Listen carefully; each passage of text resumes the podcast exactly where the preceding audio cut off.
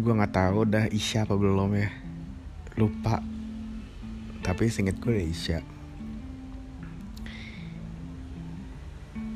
jadi gue pengen ngetek. Sebenarnya tadi ngeteknya sekitar kepikirannya sekitar jam 6 kebiasaan banget ya maghrib maghrib tuh gue kebiasaan kepikiran buat ngetek podcast gitu. Terus gue belum bayarkan listrik. Jadi sekarang di kamar gue gelap dan baterai gue tinggal 11% jadi ya gak apa-apa.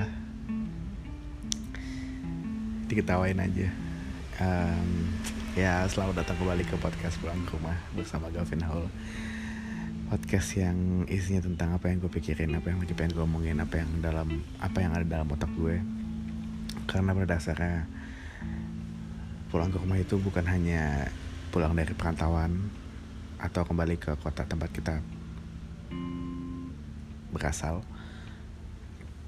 atau pulang ke tempat kita tidur tapi pulang ke rumah itu juga bisa wadah tempat kita bercerita seperti podcast pulang ke rumah ini. Apa kabar kalian di sana? Semoga hidup baik-baik saja ya. Jadi sebenarnya agak dempet-dempet banget ya di akhir-akhir ini di tahun ini udah gue tuh udah hampir tiga minggu terakhir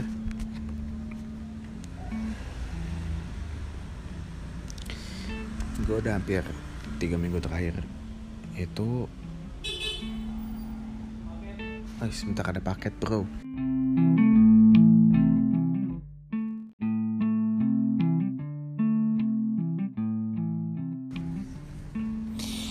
Ya Jadi Tadi ada paket dan Dan sekarang ngeteknya itu Sejam setelah gue tag sebelumnya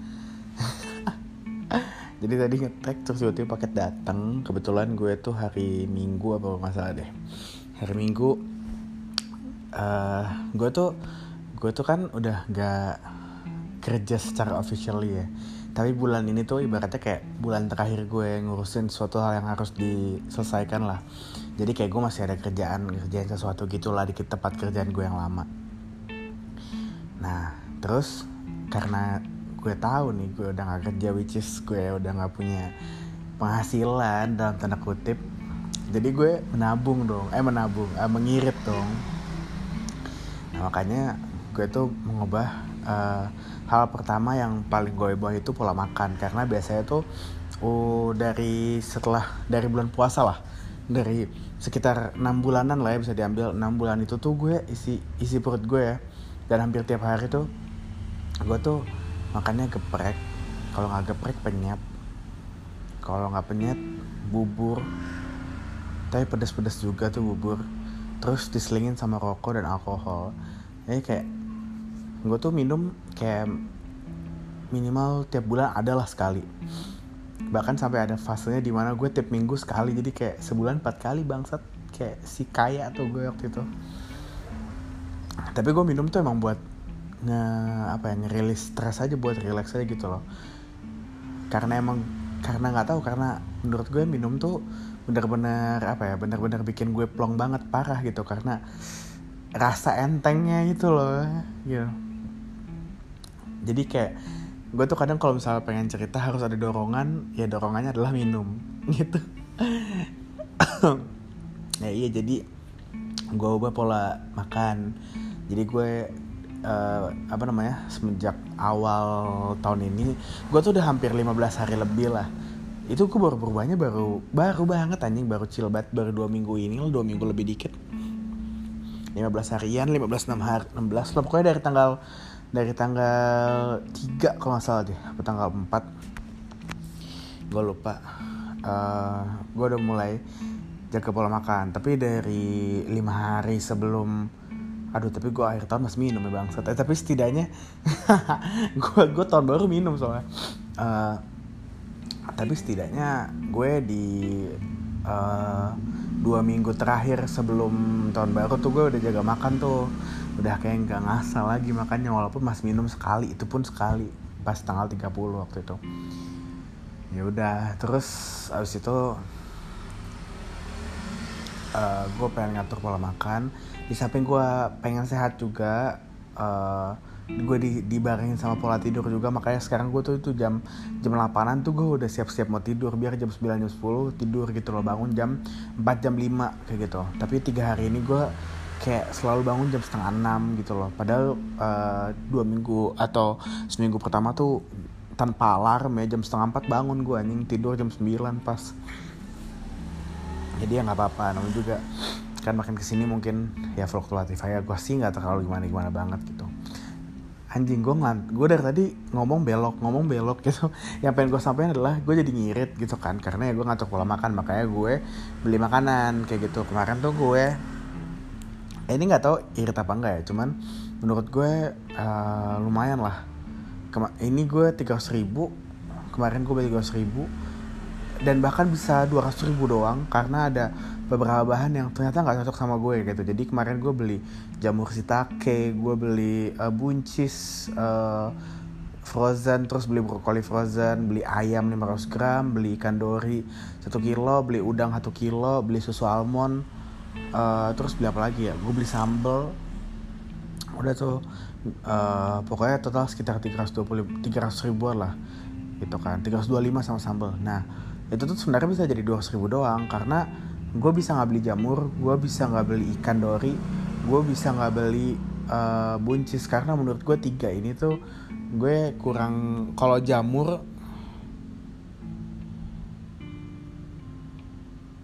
kalau jamur ini si Farid besok nyuruh gue ke rumahnya bangsat. Eh entar lu. Ntar gue bahas chat dulu ya guys ya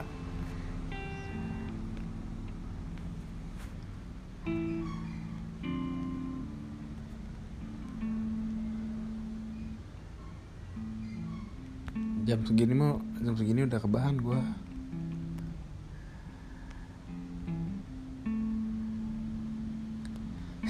bangsat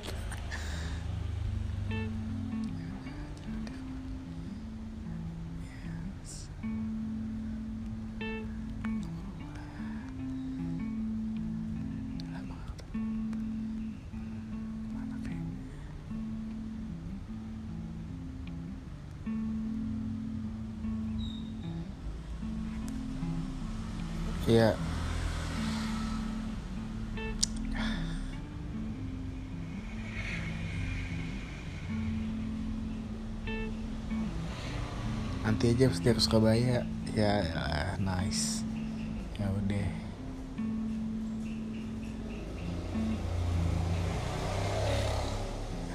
Ada lu masuk pas panah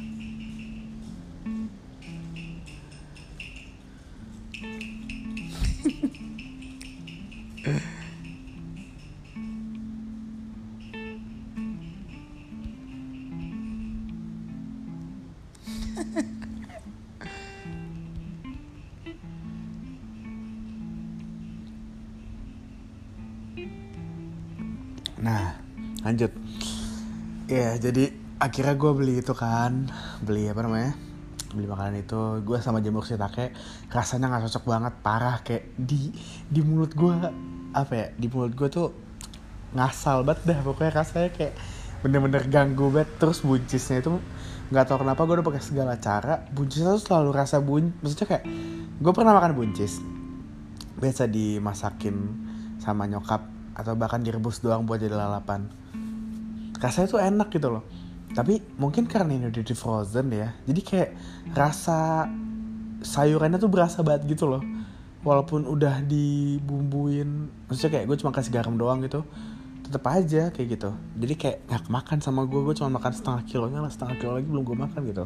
Nah yang paling gue makan cuma brokoli gitu. Jadi kayak gue cuma makan sama kalau ikan dori ikan dori tuh gue kan panggang doang ya karena kan gue tuh bukan enggak pakai tapi lebih kekurangin. Biasa tuh gue minyaknya kan berlebihan ya apa segala macam sekarang tuh gue kayak ngurangin minyak. Minyak paling cuman kayak 5 tetes kayak gitu loh. Tetes loh ya 5 tetes. Terus kayak uh, apa namanya garam juga cuman secumput doang lah gitu.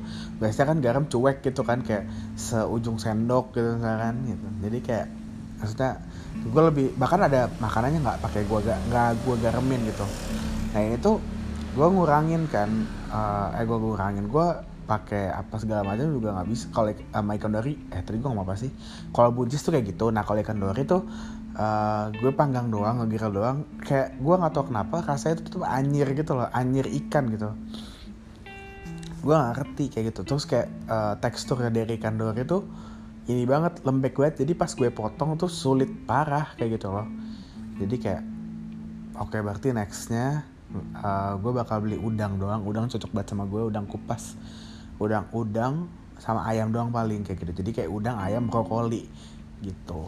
Nah jadi paling uh, jadi tuh kemarin tiga ribu itu uh, buat sekitar gue beli tanggal 10 uh, besok gue beli. Jadi untuk 9 hari lah kurang lebih kayak gitu. Jadi dua ribu. Tapi masih ada. Gue masih ada ikan untuk uh, apa namanya makan sekitar satu hari lagi lah kayak gitu. Jadi sebenarnya tuh buat 10 eh buat 9 hari pas lah kayak gitu. Nah jadi 300 ribu untuk 9 hari. Coba uh, hitung lah. Hitung tuh uh, 3 apa namanya 9 kali 3 27 lah. 27 anggaplah 10 hari lah biar gampang. Biar 30 hari kan sebulan gue 300 ribu 10 hari. Berarti gue sekitar 900 ribu sampai 1 juta per per bulannya buat makan kayak gitu.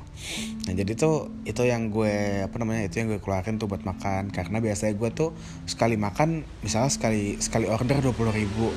Terus uh, apa namanya gue biasanya gue biasanya kan geprek penyet gitu-gitu ya. 20 misalnya sehari tuh eh sekali makan 20 22 terus malamnya beli lagi terus jadi 22 lagi misalnya gitu. Jadi kayak satu hari tuh bisa 45 ribu 45 dikali 30 gue hampir tiap hari kayak gitu. Terus belum keluar ya uh, apa namanya makan di luar apa segala macem. Uh, alhamdulillahnya di bulan ini tuh gue emang lagi ansos kan. Jadi kayak gue udah jarang ketemu orang gue nggak ngada-ngada. Eh nongkrong yuk kagak kecuali emang gue pengen ketemu sama dan bahkan itu kayak cuma satu dua orang doang kali dan sejauh ini hmm, ada nggak ya? Lupa gue lupa gue gue tuh udah lama banget gak ketemu orang. Oh paling kemarin sama kafe gitu-gitu. Itu juga tanggal berapa ya? Tanggal 6 kalau nggak salah. Iya. Tanggal 6 tanggal 6 Januari. Ya udah itu itu terakhir gue ketemu orang tuh. Gue udah hampir dua minggu gak ketemu orang anjing. Paling ketemu orang ketemu ibu-ibu warung doang sama abang-abang gojek. Ya udah tuh akhirnya akhirnya uh, sekitar segitu. Jadi kayak nggak uh, apa namanya nggak terlalu ngirit banget sampai setengahnya kagak. Tapi ya anggaplah biasanya gue ngabisin sekitar 1,7 sampai 2 juta per bulan misalnya udah include keluar. Sekarang tuh uh, makan karena gue ngatur pola makan ngatur pola tidur juga. Jadi makan gue lebih teratur lebih kenyangnya pas gitu waktu-waktunya. Terus juga apa namanya gue juga kebetulan lagi ansos jadi jarang keluar. Jadi kayak sekarang tuh per bulan sekitar sejuta lebih dikit mah cukup cukup aja buat gue kayak gitu kayak gitu. Untuk keperluan makan sama keluar ya kayak gitu. Jadi ya dan gue tuh dan gue tuh kadang impulsif sama jajan kayak gitu. Jadi ya ya gitulah. Uh, sekarang udah enggak kayak gitu. Karena gue udah nggak terlalu gue udah sadar gitu gue sudah tidak berpenghasilan kayak gitu. Nah tadi tuh selain gue beli apa namanya gue udah ngomongin ini berapa menit nih? Anjing 12 menit sendiri anjing gue ngomongin paket nih bangsat ngomongin makanan. Eh si lobat mohon maaf ini. Nah. Nah terus habis itu selain itu gue beli penutup mata sama beli masker. Udah itu doang sih. Penutup mata buat tidur. Nah, ya udah. Terus habis itu uh, jadi lebih irit lah pokoknya. Jadi gue ngambil paketnya paket itu baru dateng. Dan ya besok gue beli lagi tuh makanan paling dua sen ya pokoknya gue udah mulai menerapkan hidup sebagai seorang individualis. Maksudnya kayak gue udah menyiapkan ya emang gue tuh dari kuliah juga udah sendiri sih. Cuman sekarang tuh uh, baru ketata lagi gitu baru hidup survival lagi. Padahal gue tinggal di mana ini tempat tinggal gue dari lahir gitu loh. Tapi gue nggak nyangka di tempat gue lahir gue akan berasa kayak di kosan kayak gitu. Ya mungkin semua orang juga kadang tuh gue mikir gini ya uh, maksudnya ini mulai masuk ke apa yang mau gue omongin nih. Uh, kadang gue mikirnya tuh uh, di saat gue overthinking gitu ya kayak anjing kayak gue doang deh yang kayak gini kok yang lain kok kayaknya ini banget ya. Uh, apa namanya? Uh, apa namanya? Nggak gini-gini banget hidupnya kayak kayak minimal standar lah. Bahkan kebanyakan pada happy happy aja gitu kan gitu maksudnya ngeluh mengeluh gitu misu memisu gitu. Cuman kayak mereka tuh kayak ya udah gitu loh kayak kayak ada ada apa ya ada backingannya gitu. Ya apa pun itu gitu loh. Jadi kayak mereka tuh nggak sepenuhnya terjun bebas gitu. Nggak kayak gue yang sepenuhnya terjun bebas kalau gue nggak ngontrol diri gue gue akan jatuh dan dan dan rusak dan apa ya dan berkeping-keping gitu loh dan hancur berkeping-keping gitu loh kalau misalnya gue nggak ngontrol diri gue gitu. Cuman kalau gue ngeliat teman-teman gue dan yang lain-lainnya gue nggak bisa nyebutin satu persatu karena kayak gue mukul kata gitu. Ya gue ngeliatnya mereka tuh kayak masih ada backingan gitu loh. Jadi kayak mereka tuh ada parasut gitu loh. Jadi kayak tanpa mereka sadari ya mereka tuh turun secara perlahan dan dan aman gitu sebenarnya loh gitu. Yang gue maksud di sini banyak hal sih kayak gitu uh, eh, gue nggak mau tafsirin lebih detail lah cuman intinya kayak gitu pamannya jadi kayak gue tuh kadang kalau lagi overthinking tapi kalau gue lagi overthinking gue kayak gue kalau gue gue kalau gue kayak gue kadang mikir kayak kayaknya kayaknya harusnya nggak gini. Setelah gue mikir uh, kayaknya gue doang tapi abis itu gue mikir lagi uh, enggak deh apa emang uh, bukan bukan gimana ya ngomongnya setelah gue mikir uh, kayaknya gue doang kayak gini abis itu gue ada kepikiran kayak apa iya di seumuran sekarang emang pada kayak gini semua kali ya? Kayak gitu loh. Maksudnya mungkin gue udah sah masuk ke quarter life crisis gitu loh. Gitu. Jadi kayak itu tuh uh, apa ya ibaratnya dalam tanda kutip topik pertama yang kayak ada di otak gue gitu yang kenapa gue ngetek podcast ini ya itu kayak uh, apa namanya di setiap overthinking gue karena masalah ibaratnya datang nggak berhenti berhenti gitu ya.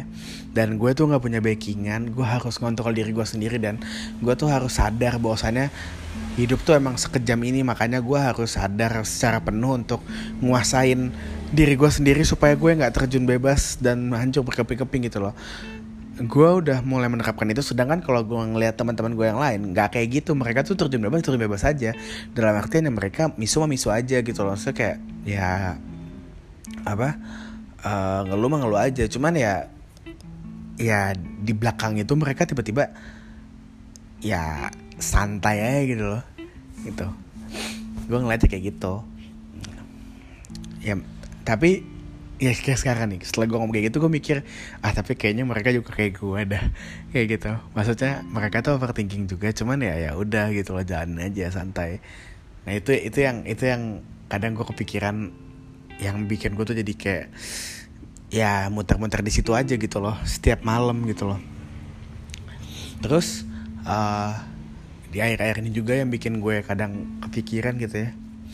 Uh, ini yang paling bikin gue akhirnya jadi manusia atau jadi orang yang kayak mengisolasikan diri gitu loh. Gue nggak mau dan takut bahkan ketemu sama banyak orang uh, banyak ngasih tahu gue kayak gimana gitu.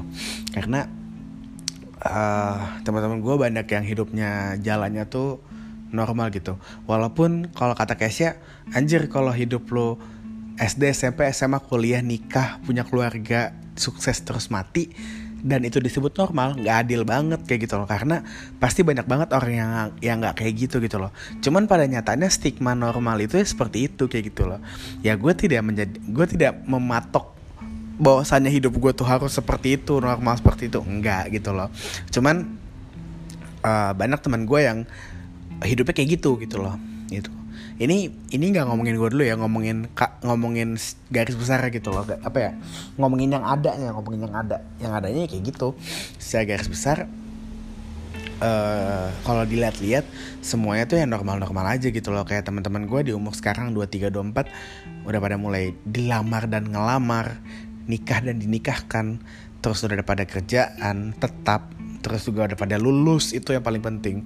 Udah pada lulus kayak ada fase di mana kayak gue tuh lo ngeliat instastory itu kali ada kali 20 sampai 30 instastory berderet itu kalau ibaratnya kalau gue lagi namatin instastory isinya tuh semuanya orang lagi graduation bangsat lagi selamat ya 3 per 3 2 per 3 apalah itulah unofficially gitu gitu jadi kayak ya sebenarnya gue secara secara raga dan jiwa bener-bener totally fine parah. Gue nggak ada masalah sama itu. Uh, dan gue nggak iri gitu loh. Maksudnya fase iri gue udah lewat lah. Maksudnya gue ngeliat kayak gitu udah santai parah gitu loh. Maksudnya gue tidak tidak apa-apa gitu loh untuk tidak seperti mereka gitu loh. Uh, tapi kadang uh, di saat lu ini ini ini yang kemarin jadi apa ya jadi bahan pikiran gue pas setelah gue ngobrol sama Kesha sebenarnya gue nggak apa-apa gitu loh karena gue sendiri gitu. Tapi di saat gue ingin terjun lagi ke sosial gitu loh kayak ke society-nya lagi gue tuh tidak takut anjing. Soalnya hidup gue tuh mengalami banyak downgrade dan kehilangan banyak hal gitu loh. Baik manusia baik benda baik ibaratnya teori materi itu semuanya gue banyak banget kehilangan itu di tahun-tahun belakangan gitu loh.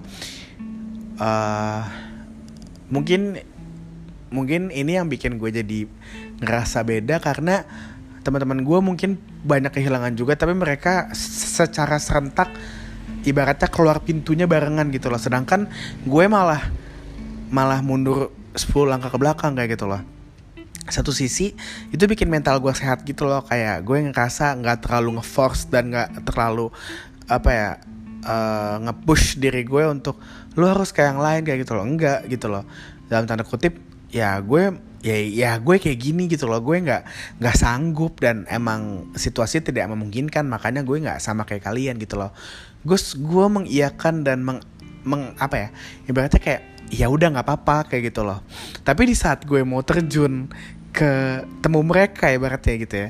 Ibaratnya kan uh, dulu tuh pas zaman zamannya gue SMA SMP kuliah yang semester semester awal gitu ya dua tahun pertama itu tuh gue cukup aktif lah kayak gitu. Uh, gue punya banyak teman dan gue salah satu yang ada nama ibaratnya gitu loh. Jadi di saat mereka melakukan suatu perkumpulan gue tuh kayak dan tanda kutip diundang atau diajak ngobrol sama mereka kayak gitu loh. Nah di momen itulah di mana gue tuh takut anjir itu loh. Itu yang bikin gue tuh jadi downgrade jadi eh downgrade lagi jadi ngedown dan jadi pengen ngeisolasin nggak mau ketemu sama siapa-siapa. Karena gue bingung mau jawab apa anjing. Maksudnya kayak mungkin untuk diri gue sendiri tuh udah damai gitu loh. Maksudnya udah Vin nggak apa-apa nggak kayak mereka gitu loh. Gue nggak apa-apa gitu. Gue nggak iri gue nggak dengki jangan iri jangan dengki tuh kagak sama sekali. Santai. Tapi di saat gue ditanya sama orang gue nggak tahu mau jawab apa gitu loh. Mungkin karena gue tuh nggak siap sama responnya mereka gitu. Gue punya trust isu sama ini sama hal ini gitu di 2018 akhir apa pertengahan gue lupa. Akhir akhir akhir. 2019 eh 2018 akhir 2018 akhir 2019 awal. Jadi di antara itulah. Kayak sebelum tahun baru deh seingat gue 2018 akhir lah. Nah jadi tuh uh, apa namanya gue ngumpul sama teman-teman gue habis dari rumah wali kelas gue pas SMA kalau nggak salah itu habis jemput gue deh. Kalau nggak salah habis jemput gue dari Malai jadi di bandara gitu. Jadi habis jemput gue di so, inget banget iya iya aduh gue gue sering banget nih ke rumah wali kelas gue dulu soalnya. Pokoknya intinya gue singkat gue tuh gue habis kayaknya habis pulang dari wali kelas gue langsung ke situ. Uh, kayaknya buat ngerencanain buat bakar-bakaran tapi saat itu gue kok ngobrol gitu kan kayak ngobrol bla bla bla bla bla bla bla. Pulangnya geser. Geser ngobrol Nah di obrolan itulah gue kayak ngerasa terbuka dong. Kayak gue mikir oh ini teman-teman gue nih Ini keluarga gue kayak gitu kan. Temen SMA gue deh Mereka pasti ngerti lah apa adanya gue kayak gitu kan. Kita tiga tahun bareng Bahkan ada yang enam tahun bareng sama gue kayak gitu. Terus habis itu Ngobrol lah banyak lebar panjang lebar. Dari banyak orang di situ nggak ada yang nge-backup gue sama sekali. Dalam artian di situ gue cerita lah karena kan uh, gue yang paling jauh dan gue yang paling beda ceritanya. Karena yang lain tuh nggak jauh-jauh dari bem dan komunitas eh, apa organisasi eksternal. Uh, sedangkan kalau gue itu ya experience gue kuliah di luar negeri kayak gitu loh. Betapa ya uh, struggle dan baladanya gue di sana kayak gitu. Lalu di sana gue cerita panjang lebar tentang ibaratnya dalam kutip kesengsaraan gue lah gitu. Homesicknya gue di sana gitu kan. Terus kayak mereka tuh bener-bener nge ngejudge gue parah kayak gitu loh. Bener-bener akhirnya saat itu gue mikir kayak gue pulang nangis anjing. Padahal di situ semuanya cowok gue tuh pulang nangis. Padahal itu dari perjalanan Bintaro sampai Ciputat rumah gue rumah gue bukan Ciputat juga sih Bintaro lah anjing. Orang dari BXC ke rumah gue cuma 15 menit uh, pokoknya tuh uh, dari sekitaran BX ya kan gue nongkrongnya sampai rumah gue tuh sekitar 15 menit pakai motor Mio gue inget banget Mio Soul. Uh, nangis gue di jalan itu pulang sekitar jam setengah satu nggak ada siapa-siapa kayak motor mobil tuh cuma satu dua doang lewat. Sedih karena anjing bener-bener dilabrak gue ibaratnya gitu. Kayak teman gue ada yang bilang anjing lu kalau gue jadi lu mah gue gini gue begitu. Terus habis itu ada satu kalimat yang kayak anjing nama gue aduh gue kayak nyes banget gitu. Ngomong kayak gini lu mah masih mending Vin nggak kayak gue. Terus kayak waduh kan gue cerita mah ya udah cerita aja gitu ya. Kagak ada tuh gue niatan untuk uh, ayo nih kita kompetisi apa hidup paling susah yuk kayak gitu Nah itu tuh gue ngalamin di dua singkatnya kayak gitu. Nah itu gue ngalamin di 2018 akhir. Nah jadi tuh itulah yang bikin gue tuh jadi ada trust issue gitu loh uh, sama dari situ gue udah punya trust issue sama masalah kepercayaan sih kayak gitu. Udah Maya gue punya trust issue sama keluarga. Nah di saat itu gue punya trust issue sama temen gitu loh sekitar 4 tahun lalu kan tuh. Ya ya begitulah. Jadi kayak apa namanya uh, eh, gue tuh takut gitu loh untuk uh, terjun ke society dengan bentukan gue yang seperti ini. Soalnya dulu tuh gue terjun ke society gue cukup pede karena gue punya pegangan gue punya organisasi yang cukup cukup mempenghuni lah. Kayak kayak gue tuh bisa ngomong A B C D E F G lah gue menguasai bidang gue gitu. Jadi kayak lo mau ngomong apa gue takis anjing kayak gitu. Gue tuh orangnya nggak pede dan dan jadi takut banget kalau misalnya gue tuh uh, ada di umum tapi gue nggak nguasain harus ngapain gitu loh. Jadi jadi hal yang paling makanya gue tuh uh, public speaking gue bagus kalau gue nguasain medan. Makanya kalau misalnya gue presentasi pelajaran misalnya atau gue sering banget megang mic dalam artian gue jadi MC atau gue mem memandu acara atau gimana gitu jadi pembukaan jadi apa segala macem dan gue ngomong di muka umum lancar karena gue nguasain nguasain medannya. Gue tahu gue ngomong sama siapa gue tahu gue mau ngomong apa gue tahu ini acara apa gue tahu yang datang siapa aja gue harus ngomong apa itu gue tahu kayak gitu loh. Dan gue pede kalau misalnya gue tahu cuman kalau misalnya gue nggak tahu mau ngomong apa dalam artian kayak teman-teman gue udah pada banyak yang mau nikah dan bukan udah ada yang nikah terus kayak udah pada mau lulus. Gue nggak tahu nih kalau misalnya gue terjun ke mereka obrolan itu apa yang akan muncul kayak gitu loh gitu. Bahkan yang lebih gue takutin lagi adalah di saat mereka nanya status gue apa sekarang? Kayak gitu. Jadi kayak gue bener-bener gak nguasain Medan gitu loh. Selain gue gak nguasain Medan gue juga gak nguasain jawaban yang akan mereka tanyakan gitu loh. Gitu. Dan gue juga nggak bisa belum bisa kayaknya menerima hal-hal buruk yang akan masuk gitu loh dari mereka untuk gue mendingan nggak usah ketemu sama sekali dan nggak tahu gue siapa lah udah lupain aja gue kayak gitu. Itu tuh yang sekarang lagi gue rasain gitu loh. Jadi ya ya gue mengisolasi mengisolasikan wah mengisolasikan diri gitu loh. Terus gue gue nemu tweet yang bagus banget menurut gue dari Ima ya. Uh, jadi tuh gue punya temennya temen gitu. Jujur gue sama nih orang sebenarnya ngefans aja kalau nih orang bisa jadi pacar gue gue pacarin anjing. Masalah kan nggak bisa. Segampang itu ya. Kayak gue tuh ngefans parah kayak dia tuh indie banget. Terus juga kayak nggak tahu kenapa dia kan rokok. Gue tuh gue tuh suka banget sama cewek rokok cewek. Udah mah dia tuh Danila banget dah pokoknya. Kayak gue ngeliatnya nih orang cewek aduh duh cewek ngerokok main musik gitu terus tatoan terus kayak ya kayak dia tatoan dah kalau nggak salah. Apa nggak tatoan ya? Lupa pokoknya. Tapi intinya kayak gue ngeliat dia kayak Danila dan kayak anjing gue pengen macarin dia dah maksudnya bukan macarin gimana gue sih kayak kalau gue punya kesempatan untuk ngobrol banyak sama dia terus ngobrol banyak hal bikin karya bareng sampai kita jadi pacar atau gimana gitu. Maksudnya ngebangun mimpi bareng lah gitu. Itu gue kayak such a honor banget anjing kalau bisa ada kesempatan itu anjing. Udah gitu mukanya cakep manis banget muka dia tuh. Uh, mana ya? Dia nge-tweet kayak gini. Uh, these days I find it hard to be okay. Eh so, so, sorry sorry salah intonasinya.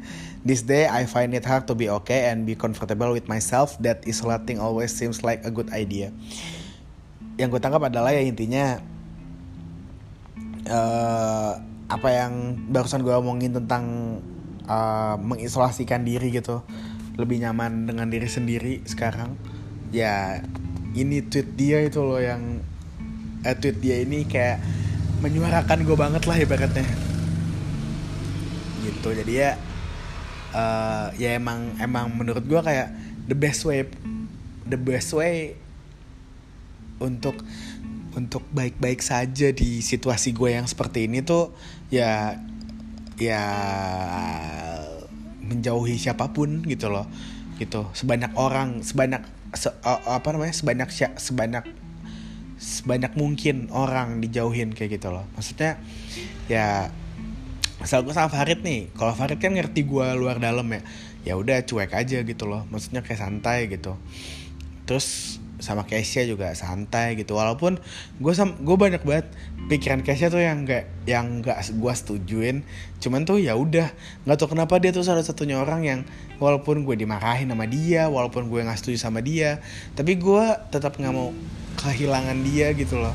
Karena cuman dia doang yang bisa nerima gue dengan kesalahan gue yang selalu gue ulangin gitu loh ibaratnya. Walaupun beda beda beda beda isinya cuman tipe kesalahan itu sama kayak gitu loh. Misal tentang cinta lah tentang apa orang tua atau gimana kayak gitu. Tapi dia tetap mau dengerin dan tetap ngasih saran gitu loh.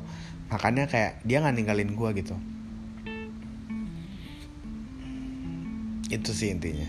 Jadi ya ya ya karena Ima juga yang yang bikin gue jadi pengen bikin episode kali ini gitu ya tentang isolasi mandiri berat. Isoman itu jadi ya uh, itulah yang lagi gue rasain. Terus juga uh, untuk penutup mungkin ya uh, gue tuh baru enggak gitu loh di saat gue kemarin ngeliat klipnya potongan apa ya potongan stand upnya Panji yang yang baru baru baru ini tuh uh, intinya di situ dia bilang kalau misalnya dia tuh dari sekitar 2016 kalau nggak salah if I'm not mistaken uh, dia tuh udah sering ke psikiater gitu loh. Dia takut untuk ngungkapin dari 2016 dan baru baru baru sekarang bisa ngungkapin karena dulu tuh dia takut dianggap gila gitu loh. Dan dia takut di saat dia stand up orang tuh ketawa cuman karena kasihan kayak kayak isi Panji gila ketawa ya kayak gitu lah ibaratnya. Dia nggak mau itu dan dia nggak siap untuk itu saat itu gitu loh. Mungkin dia baru ngasih tau sekarang karena mungkin ya pertama lebih sekarang dia sudah punya penonton dalam artian ya penontonnya di, dia emang beneran lucu dan punya udah punya segmen terus di sisi lain mungkin ya sekarang tuh lagi zaman zamannya emang menggaungkan tentang uh, apa ya self healing atau self love, self reward dan segala apa pun dengan tentang self gitu loh. Tapi ada ada menurut gue apa ya? Ada kutip eh, bukan kutipan. Ada poin penting yang gue lihat dari stand upnya Panji yang beat di situ ya tentang psikiater itu. Jadi intinya adalah gini poinnya. Uh, jadi tuh Panji merekayasa seperti ini dia tuh punya masalah di umurnya dia lah ibaratnya punya anak dua sekitar umur 40 tahunan kalau misalnya dia cerita ke teman dia kayak misalnya kayak uh, eh bro uh, apa namanya uh, pulang kerja sibuk nggak uh, ketemu yuk ngobrol gitu. Uh, gue ada masalah nih kayak gitu. Terus yaudah deh ayo deh kayak gitu. Tapi banyak juga loh yang uh, eh bukan nggak kayak gitu konteksnya. Nanti jadi salah arahnya. Ya intinya kayak gitu ngajakin uh, ngobrol gitu. Cuman uh, apa namanya di saat dia apa namanya di saat dia uh, ngobrol gitu ya ibaratnya ya uh, udah ketemu ngobrol ya ujung-ujungnya kayak kayak acuh tak acuh kayak gitu loh. Dan bahkan lebih kayak aduh bisa gak nih? Cepet selesai kayak gitu loh. Aduh gue pengen pulang nih gitu. Ibaratnya kenapa ada eh gimana ya ngomong ya bentar bentar. Deliver gue kurang baik. Gue ulang ya. Jadi Panji tuh merekayasnya kayak gini. Jadi ada orang uh, misalnya ada dua orang gitu temenan kayak satu orang nelfon kayak bilang eh bro pulang kerja lu sibuk nggak? Ketemuan gue punya masalah gitu. Abis itu kayak dalam hati padahal dalam hati nggak mau kayak gitu kan. Terus kayak ya ada teman gue ya udah. Suara motor.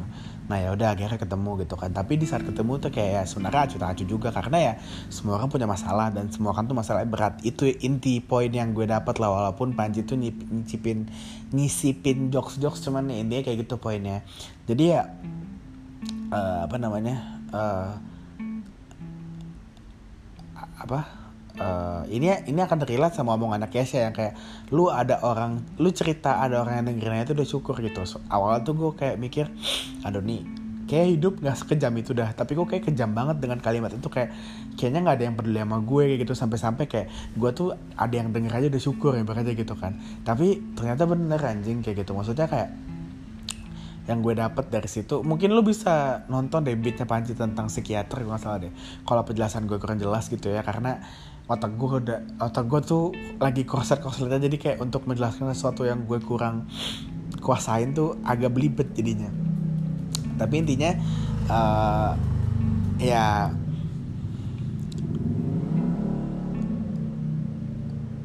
apa di saat kita cerita ke orang tuh orang kayak emang emang emang banyak banget yang jadinya individualis gitu loh nggak mau nggak mau nggak mau peduli sama sesama karena punya masalah sendiri gitu. Nah lu gue ngomong 10 menit belibet anjing sorry banget ya. Gue kesel sama diri gue sendiri deh. Maksudnya kayak gue ngejelasin itu aja tuh jadi belibet. Padahal harusnya gampang anjing jelasinnya gitu loh. Inti dari poinnya Bit Panji adalah kenapa kenapa psikiater kenapa psikiater itu penting? Karena uh, emang ibaratnya apa ya kita tuh perlu cerita sama orang gitu loh yang mau dengerin kita gitu loh. Ya karena banyak banget orang yang nggak bisa dengerin kita karena punya masalah juga dalam hidupnya yang mungkin sama dan nggak nyelesain makanya butuh ke psikiater gitu loh supaya tahu masalahnya apa. Dari kenapa maksudnya kayak karena uh, psikiater itu punya teorinya punya ilmunya intinya sih kayak gitu. Makanya menurut makanya gue baru mikir kayak ya ternyata ke psikiater tuh penting ya kayak gitu. Dan relate juga sama omongan Kesha yang yang kalau lu ada dengerin aja syukur gitu. Karena ya kalau nggak ada yang mau dengerin lu ya lu harus bayar untuk orang dengerin lu which is lu ke psikiater kayak gitu. Iya intinya kayak gitu. Belibet ngentot. Gue kesel banget gue kesel banget sekarang nih intinya sih kayak gitu poinnya. Ya uh, apa namanya itulah. Kayak gue juga jadi gue ngerasa gitu loh gue kayak harus ke psikiater deh. Gue tuh pas kemarin ngomongin Panji ya gitu uh, gue tuh jadi kepikiran anjing gue pengen ke psikiater deh. Cuman kan duit gue juga nipis ya. Makanya gue mikir nih kalau misalnya gue apa namanya udah berpenghasilan lagi gue tuh pengen ngecek gitu loh harga psikiater berapa yang datang. Bukannya ngechat ya datang gitu uh, misalnya per sesi berapa ratus ribu misalnya tiga ratus nggak tahu gue atau gope misalnya gitu. Misalnya gue datang dua minggu sekali atau sebulan sekali gitu jadi kayak gue nge-spend money misalnya sebulan sekali berarti lima ratus ribu untuk itu kesehatan mental gitu loh. Karena ya perlu aja menurut gue gitu loh kayak bahkan uh, podcast ini tuh jadi ladang jadi la, bukan ladang lahan lahan gue untuk ngebuang sampah gitu loh untuk ngebuang sampah yang jahat yang jahat yang apa yang buruk-buruk yang pengen gue omongin gitu loh. Yang kan kalau ngepodcast ini kan gak ada pantulan ya maksudnya gue ngomong sendiri ya syukur-syukur ada yang dengerin tapi tainya kayak ada beberapa episode yang dengerin apa 100 gue nggak tahu siapa yang dengerin tai lah padahal tuh kayak maksud gue gue bikin podcast ya udah gitu loh gue bikin doang nggak berharap didengerin tapi ternyata ada yang dengerin dan bahkan sampai 100 200 kayak gue siapa bangsa tabungan gue kenapa? gitu loh. Gitu jadi kayak uh,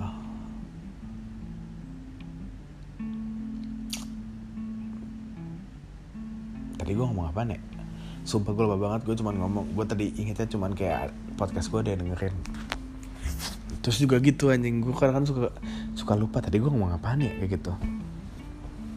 Kayak gitu intinya lah. Jadi kayak gue oh ya psikiater kan. Gue gue ngerasa kayak aduh kayak gue butuh psikiater deh gitu.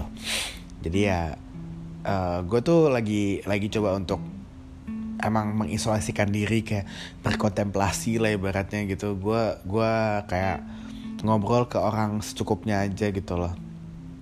Tapi yang gue yang kadang gue kesel adalah di saat gue ingin fokus sama diri gue sendiri ada aja orang atau info atau sesuatu yang lagi gue hindarin terus datang ke gue sendiri gitu loh. Kan tai ya kayak anjing apaan sih? gitu. Kalau kalau gue nggak bales ntar orang jadi sejak kayak ya ya sebenarnya nggak apa-apa sih. Cuman kayak ya mungkin eh mungkin lagi uh, masalahnya banyak orang yang bantu minta tolong bantu mereka minta tolong untuk bantuin mereka kayak gitu loh. Itu yang kayak kadang gue nggak bisa nolak gitu loh. Karena ya kalau gue nolak mereka akan nanya gue kenapa dan gue nggak tahu mau jawab apa anjing kayak gitu loh.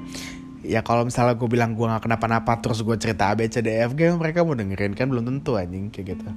Jadi ya itu yang lagi gue hindarin gitu berinteraksi dengan banyak orang gitu. Gitu.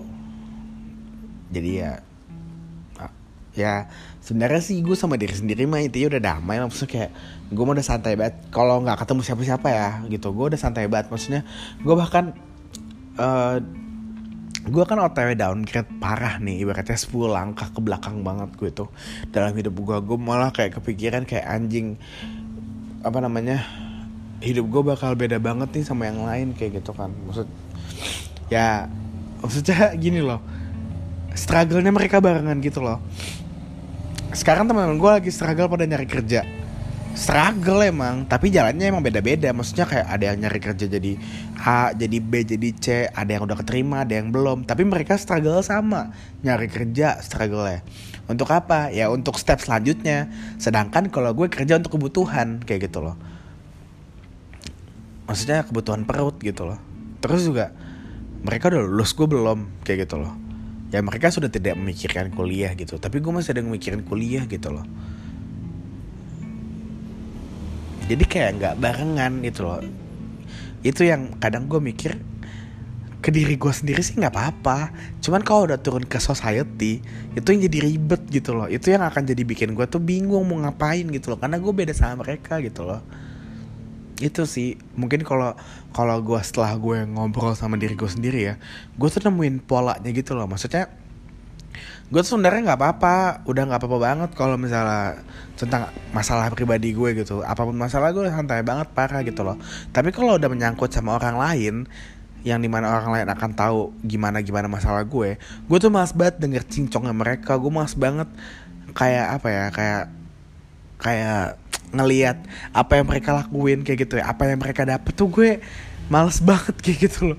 Kayak maksud gue udah gue pengen hidup sendiri gitu loh. Itu sih yang gue rasain gitu loh. Jadi kayak mungkin bisa dibilang timbul rasa iri gitu dengki gitu loh. Kayak kenapa gue nggak dapet? Kenapa gue nggak kayak mereka? Kayak gitu loh. Gue pengen kayak mereka anjing kayak gitu. Itu yang gue rasain gitu loh. Makanya gue tuh jauhin itu karena ya biar gue aman aja sendiri gitu loh. Karena gue kalau sendiri mah aman-aman aja gitu. Ya mungkin gue nggak damai dengan situasi tapi gue damai dengan diri gue sendiri gitu loh. Karena yang gue pahamin adalah kalau misalnya gue nggak damai sama diri gue sendiri ya gue akan misalnya kayak gue uh, ini sebenarnya tipis sih. Dan kadang gue juga nggak bisa ngebedainnya gitu loh ya tadi gue bilang saya teman gue udah pada lulus kuliah gue belum. Mungkin kalau misalnya gue nggak damai sama diri sendiri ya gue akan akan apa ya akan kesel gitu loh kayak kenapa sih gue belum lulus? Kayak gitu loh. Tapi sedangkan gue malah sekarang kayak nyantai aja gitu loh kayak ya udah teman-teman gue lulus lulus aja gitu loh. Gue mah gue mah lulus kapan-kapan aja kayak gitu ibaratnya. Santai gitu loh ke diri gue sendiri gitu loh. Cuman di saat nanti mereka nanya dan mereka jadi nanya ke mana-mana kayak lu kalau nggak lulus mau kerja di mana? Terus kayak lu ngandelin apa? Bla bla bla. Itu tuh yang gue hindarin kayak alah bacot lu kayak gitu loh. Itu yang mungkin gue tuh kadang nggak damai sama itu gitu loh. Gue nggak selalu gue kayak oh iya nggak apa-apa mungkin ada jalannya nggak bisa anjing gue kayak gitu gue masih belum bisa lebih tepatnya. Tapi kalau misalnya nggak ada yang nanya nggak ada yang tahu ke diri gue sendiri udah nyaman udah nyantai. Gue tuh udah nggak gue tuh udah udah ikhlas gitu loh sama apa yang sudah terjadi dengan gue gitu loh. Gue nggak ikhlasnya adalah di saat ada orang yang recokin masuk dan sotoy gitu loh. Itu sih yang yang gue nggak ikhlas gitu dan kadang jadi naik pitam lagi. Jadi ya itu aja sih uh, apa namanya? Uh, yang pengen gue sampein yang pengen gue obrolin di episode kali ini. Ya ini sih baik-baik aja lah sama sama siapa pun. Dan jangan pernah capek untuk buat baik karena uh, apa ya? Walaupun ini gue coba untuk berpegang teguh sih sama ini. Jadi kayak walaupun gue apa gue tuh akhir-akhir ini tuh lagi banyak banget hal yang kayak gue tuh sebenarnya baik sama sesuatu tapi tiba-tiba yang dapetin malah orang lain gitu loh. Padahal yang yang buat mereka seperti itu itu tuh akar dari gue kayak gitu loh. Tapi gue gak dapet apa-apa kayak gitu loh. Tapi ya gue mikir kayak ya udahlah gitu. Yang penting niat gue baik saat itu dan sampai bahkan sampai membuahkan hasil kan untuk mereka mereka banyak orang kayak gitu loh. Gue gue uh, awalnya jadi capek buat baik cuman gara-gara setelah gue pikir-pikir lagi setelah gue merenungi lagi kayak oh ya udah berarti emang emang gue tuh hanya ditempatkan mungkin sejauh ini hanya untuk gue menjadikan akar tumbuhan untuk tumbuh subur dan jadi kuat gitu loh jadi kayak banyak banyak batang dan buah-buahannya daun-daunnya jadi mekar gitu jadi subur tumbuhannya. Tapi akarnya gue yang ngasih kayak gitu. Akarnya gue yang tumbuhin gitu loh. Ya mungkin gue hanya sebatas itu aja. Jadi gue tidak merasakan buahnya gue tidak merasakan apa rindangnya pohon itu. Ya ya ya udah nggak apa-apa kayak gitu loh. Mungkin gue hanya diposisikan untuk cuma numbuhin akarnya aja kayak gitu gue nggak tahu baiknya buat gue apa sejauh ini. Cuman ya ya gue nggak mau apa ya gue nggak mau bikin ini jadi masalah karena gue tau banget ini tuh jadi iri jadi dengki nggak habis habis kayak gitu loh. Karena ya udah kayak gitu loh. Ya ya emang gue emang bukan bukan bukan rezeki gue aja kayak gitu loh. Itu mau dirunutin dari mana pun ya emang bukan rezeki gue kayak gitu. Jadinya ya ya udah gue ikhlasin dan gue akhirnya jadi kayak ya udah deh ke depannya ya ya flat lagi aja gue akan sama gitu loh. Kalau ada kalau ada orang minta tolong ya gue bantuin kayak gitu loh. Gue bantuin setulus hati kayak gitu loh ya. Ya gitu. Ya intinya jangan pernah capek berbuat baik ah sama ini deh terakhir nih buat positive vibes lah ya bakatnya jadi tadi gue habis nonton alur cerita uh, film apa ya gue lupa ntar. Perasaan gue jadi campur aduk anjing. Pertama gara-gara ngomongnya ini sambil gue buka YouTube ya. Gara-gara ngomong gue belibet otak gue belibet ngentot emang anjing kesel banget gue ngomong gue belibet jadi kayak gue pengen nyampein apa jadi nggak ke deliver dengan baik kayak gitu loh. Jadi itu gue kesel banget anjing. Terus ya itu sama kayak obrolan gue tuh jadi kayak jadi kayak nggak guna bangsat. Kesel banget jadinya. Dak. tadi siang tuh gue nonton apa ya?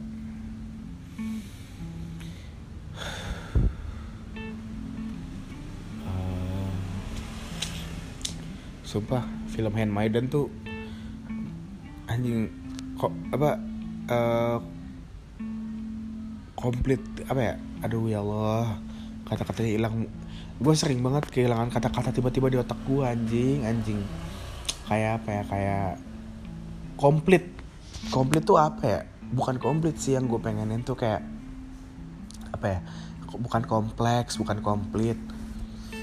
Uh, isinya ada semua lah ibaratnya gitu. Lengkap lengkap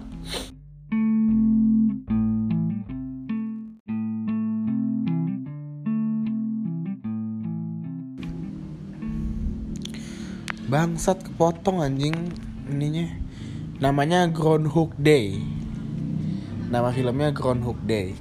Jadi uh, film itu ngeceritain tentang uh, ada satu orang congkak parah kayak ya biasalah attitude gitulah gitu. Jadi dia itu reporter dalam di suatu kota kecil lah gitu. Dia datangnya satu kota kecil.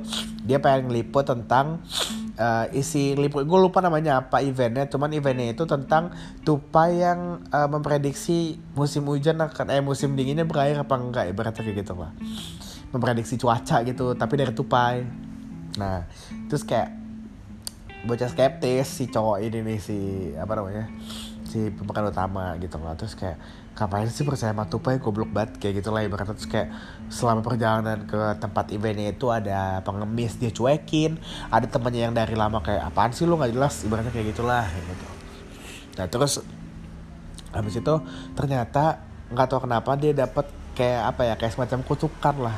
Kutukannya adalah selama berhari-hari bahkan berbulan-bulan dia tuh di setiap dia bangun tidur dia tuh selalu dat, uh, selalu bangun di hari yang sama gitu loh. Dengan kejadian yang sama gitu. Sampai-sampai sampai-sampai di akhir-akhir film gitu loh. Dia tuh sampai apal kayak uh, apa namanya ini si orang ini pasti abis ini jatuh. Terus itu kayak uh, pasti karena dia gabut ya karena kan setahu gue berminggu-minggu sampai berbulan gitu kan. Jadi dia nyari tahu gitu loh orang orang-orang di sekitar situ kayak uh, lu SD-nya di mana? Terus guru bahasa Inggris lu siapa? Lu lahir kapan? Lu rumahnya di mana? Terus kayak cita-cita lu apa? Gitu gitulah pokoknya. Nah itu tuh sampai segabut itu dia gitu kan. Terus dia sampai les piano. Jadi dari hari ke hari tuh dia ini terus apa namanya uh, jago gitu. Ingatannya terus ingat gitu loh cuman harinya di situ terus gitu loh dia bangunnya. Nah selama itu juga dia tuh deketin uh, produsernya dia yang lagi keliput barengan sama dia juga. Uh, apa namanya? Ya ya aduh ya apa namanya? Sembari semba, sembari iya sembari ngelakuin kegiatan-kegiatan itu ya dia dia akhirnya uh, apa namanya deketin si cewek inilah kayak gitu. Sampai di hari-hari terakhirnya itu dia tuh uh, apa ya berbuat baik lah. Jadi kayak pengemis yang biasa dia cuekin dia kasih makan. Nah ternyata setelah dia kasih makan eh gue lupa kejadian gimana. Intinya dia si kakek kakek ini pengemis ini masuk rumah sakit terus mati. Itu padahal padahal dia baik baik aja awalnya kayak gitu. Loh apa apa bukan karena kecelakaan atau apa gitu gue lupa deh pokoknya dia masuk rumah sakit terus mati besoknya pas dia bangun dia uh, apa namanya uh, ke pengemis itu lagi ngasih makan lagi tapi dijagain sama dia gitu loh terus ternyata mati juga kayak gitu loh Nah, jadi emang kayak udah takdir si, si kakek ini, si pengemis ini mati gitu loh. Ya dia sedih lah kayak gitu. Terus kayak akhirnya uh, mungkin uh, beberapa hari ke depannya pokoknya dia udah kasih makan apa segala macam. Akhirnya dia jadi makin baik lagi gitu loh ke semua orang. Ke teman-temannya eh ke temennya yang dulu tuh. Jadi temennya dulu itu datengin dia terus kayak kan tadinya acu tak acu ya kayak apaan sih lu kayak gitu kan. Gara-gara temennya itu nawarin asuransi kayak gitu kan. Biasalah kayak gitu kan. Terus akhirnya asuransi itu dibeli semua sama dia. Terus kayak jadi intinya jadi baik banget lah pokoknya terus kayak dia ngereporter tuh kayak baik banget kayak dalam hati, dari dalam hati banget kayak gitu kan. Nah akhirnya awalnya si cewek ini yang tadinya kesal sama dia terus jadi kayak uh, lulu lulu lulu akhirnya di hari di hari terakhir itu mereka akhirnya kayak ya udah mereka uh, dinner apa segala macam tidur bareng. Nah pas besoknya ternyata dia nggak ngulang hari lagi karena uh, apa namanya pas dia buka jendela eh pas dia melek ceweknya ini ada di sampingnya dia kayak gitu loh. Soalnya kan biasanya kan ya kalau ngulang hari berarti ceweknya harusnya nggak ada di samping dia kan kayak gitu. Nah ternyata ceweknya ada di samping dia dia kaget kayak ah demi apa udah berminggu-minggu sampai berbulan gitu uh, gue gak ngerasain ganti hari ternyata ganti hari gitu loh. Nah itulah yang akhirnya gue mikir kayak soalnya gue ngeliat scene gitu kan kayak anjing yang tadinya orangnya acu tak acu gitu kan terus jadi baik banget gitu kan jadi kayak dia ngambil hikmahnya gitu loh kayak ya udahlah apa namanya buat baik ke semua orang nggak ada salahnya. Terus kayak ya pokoknya enak gitu dan seneng gitu ngeliat orang bahagia gitu. Itu sih poinnya kayak gitu loh. Jadi kayak uh, walaupun itu nggak ber maksudnya kayak nggak berdampak kita yang kita yang dapat bahagia gimana ya maksudnya uh, kita bahagia karena ngelihat orang bahagia karena sesuatu yang mereka usahakan gitu loh. Maksudnya kayak misalnya kayak temen yang tadi yang asuransi dia kan pasti punya goal sama segala macem. Terus seneng. Kenapa? Karena ya dibeli semua sama si orang utama ini kan pemeran utama gitu sama si pemeran utama ini gitu. Akhirnya dia seneng karena achieve kayak gitu. Nah si pemeran utama seneng ngelihat si orang ini seneng tapi dia nggak achieve apa-apa gitu loh. Maksudnya dia dia nggak punya target. Misalnya dia harus A misalnya dia nggak mencapai target A dia cuma bikin orang seneng. Akhirnya dia jadi seneng ibaratnya kayak gitu.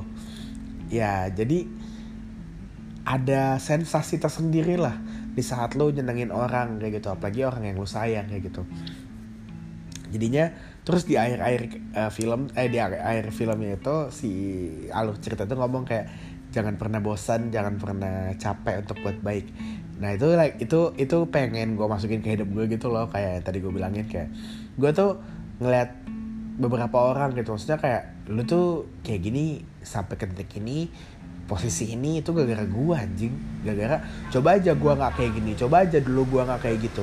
Pasti lu nggak kenal si ini lu nggak kenal si itu lu nggak bakal sampai ke titik ini kayak gitu loh. Gue dapat apa? Nggak dapat apa-apa. Tapi lu, pada yang dapat sesuatunya kayak gitu loh. Tapi ya setelah gue nonton film itu gue mikir kayak ya udah kayak gitu loh. Maksudnya toh juga mereka seneng gitu loh kayak bisa bisa achieve gitu loh bisa sesuatu gitu loh dalam hidup mereka. Kayak gitu. Jadinya ya sih ya walaupun gue nggak ngerasain gue seneng ngeliat mereka mereka nih orang seneng kayak di film itu but at least gue nggak nggak nggak apa ya gue nggak nggak iri dan akhirnya gimana gimana banget lah sama mereka. Maksudnya kayak ya udah uh, glad to hear that. Ya congratulations kayak gitu. Itu dalam diri gue udah cukup kompleks lah uh, apalagi masalah-masalah yang tentang pertemanan tadi tentang apa namanya gue baik ke orang dan gue nggak dapat apa-apa sedangkan yang dapat tuh malah sekitaran gue uh, itu terjadi berbarengan seperti biasanya gitu loh. Makanya kayak kompleks banget gitu loh. Makanya gue tuh emang pas banget emang kayaknya di fase sekarang tuh lagi harusnya sendiri aja gitu nggak perlu ke mana-mana nggak perlu ketemu siapa-siapa kayak gitu. Ya kalau mau ketemu ya seperlunya aja ngomong seperlunya aja. Nggak perlu banyak-banyak lah kayak gitu. Lebih sendiri aja lah ibaratnya gitu. Bahkan gue pengennya orang tuh lupa sama sama gue kayak gitu loh. Jadi kayak kalau mereka nongkrong ya gak usah inget gue kayak gitu. Gue sih pengennya kayak gitu biar kayak gue pengen hidup beneran sendiri gitu. So far sejauh ini udah hampir gak tau sih gue baru ngerasain. Ini jujur baru 2-3 minggu terakhir karena emang banyak batal yang gue rasain sekitar 2-3 minggu terakhir. Jadi kayak gue kepengennya sendiri aja gitu. Itu sih kayak gitu. Ya. Intinya jangan pernah capek buat baik dan jangan pernah lelah buat baik. Galvin Sanot, bye bye. Thank you yang udah dengerin sampai sini. you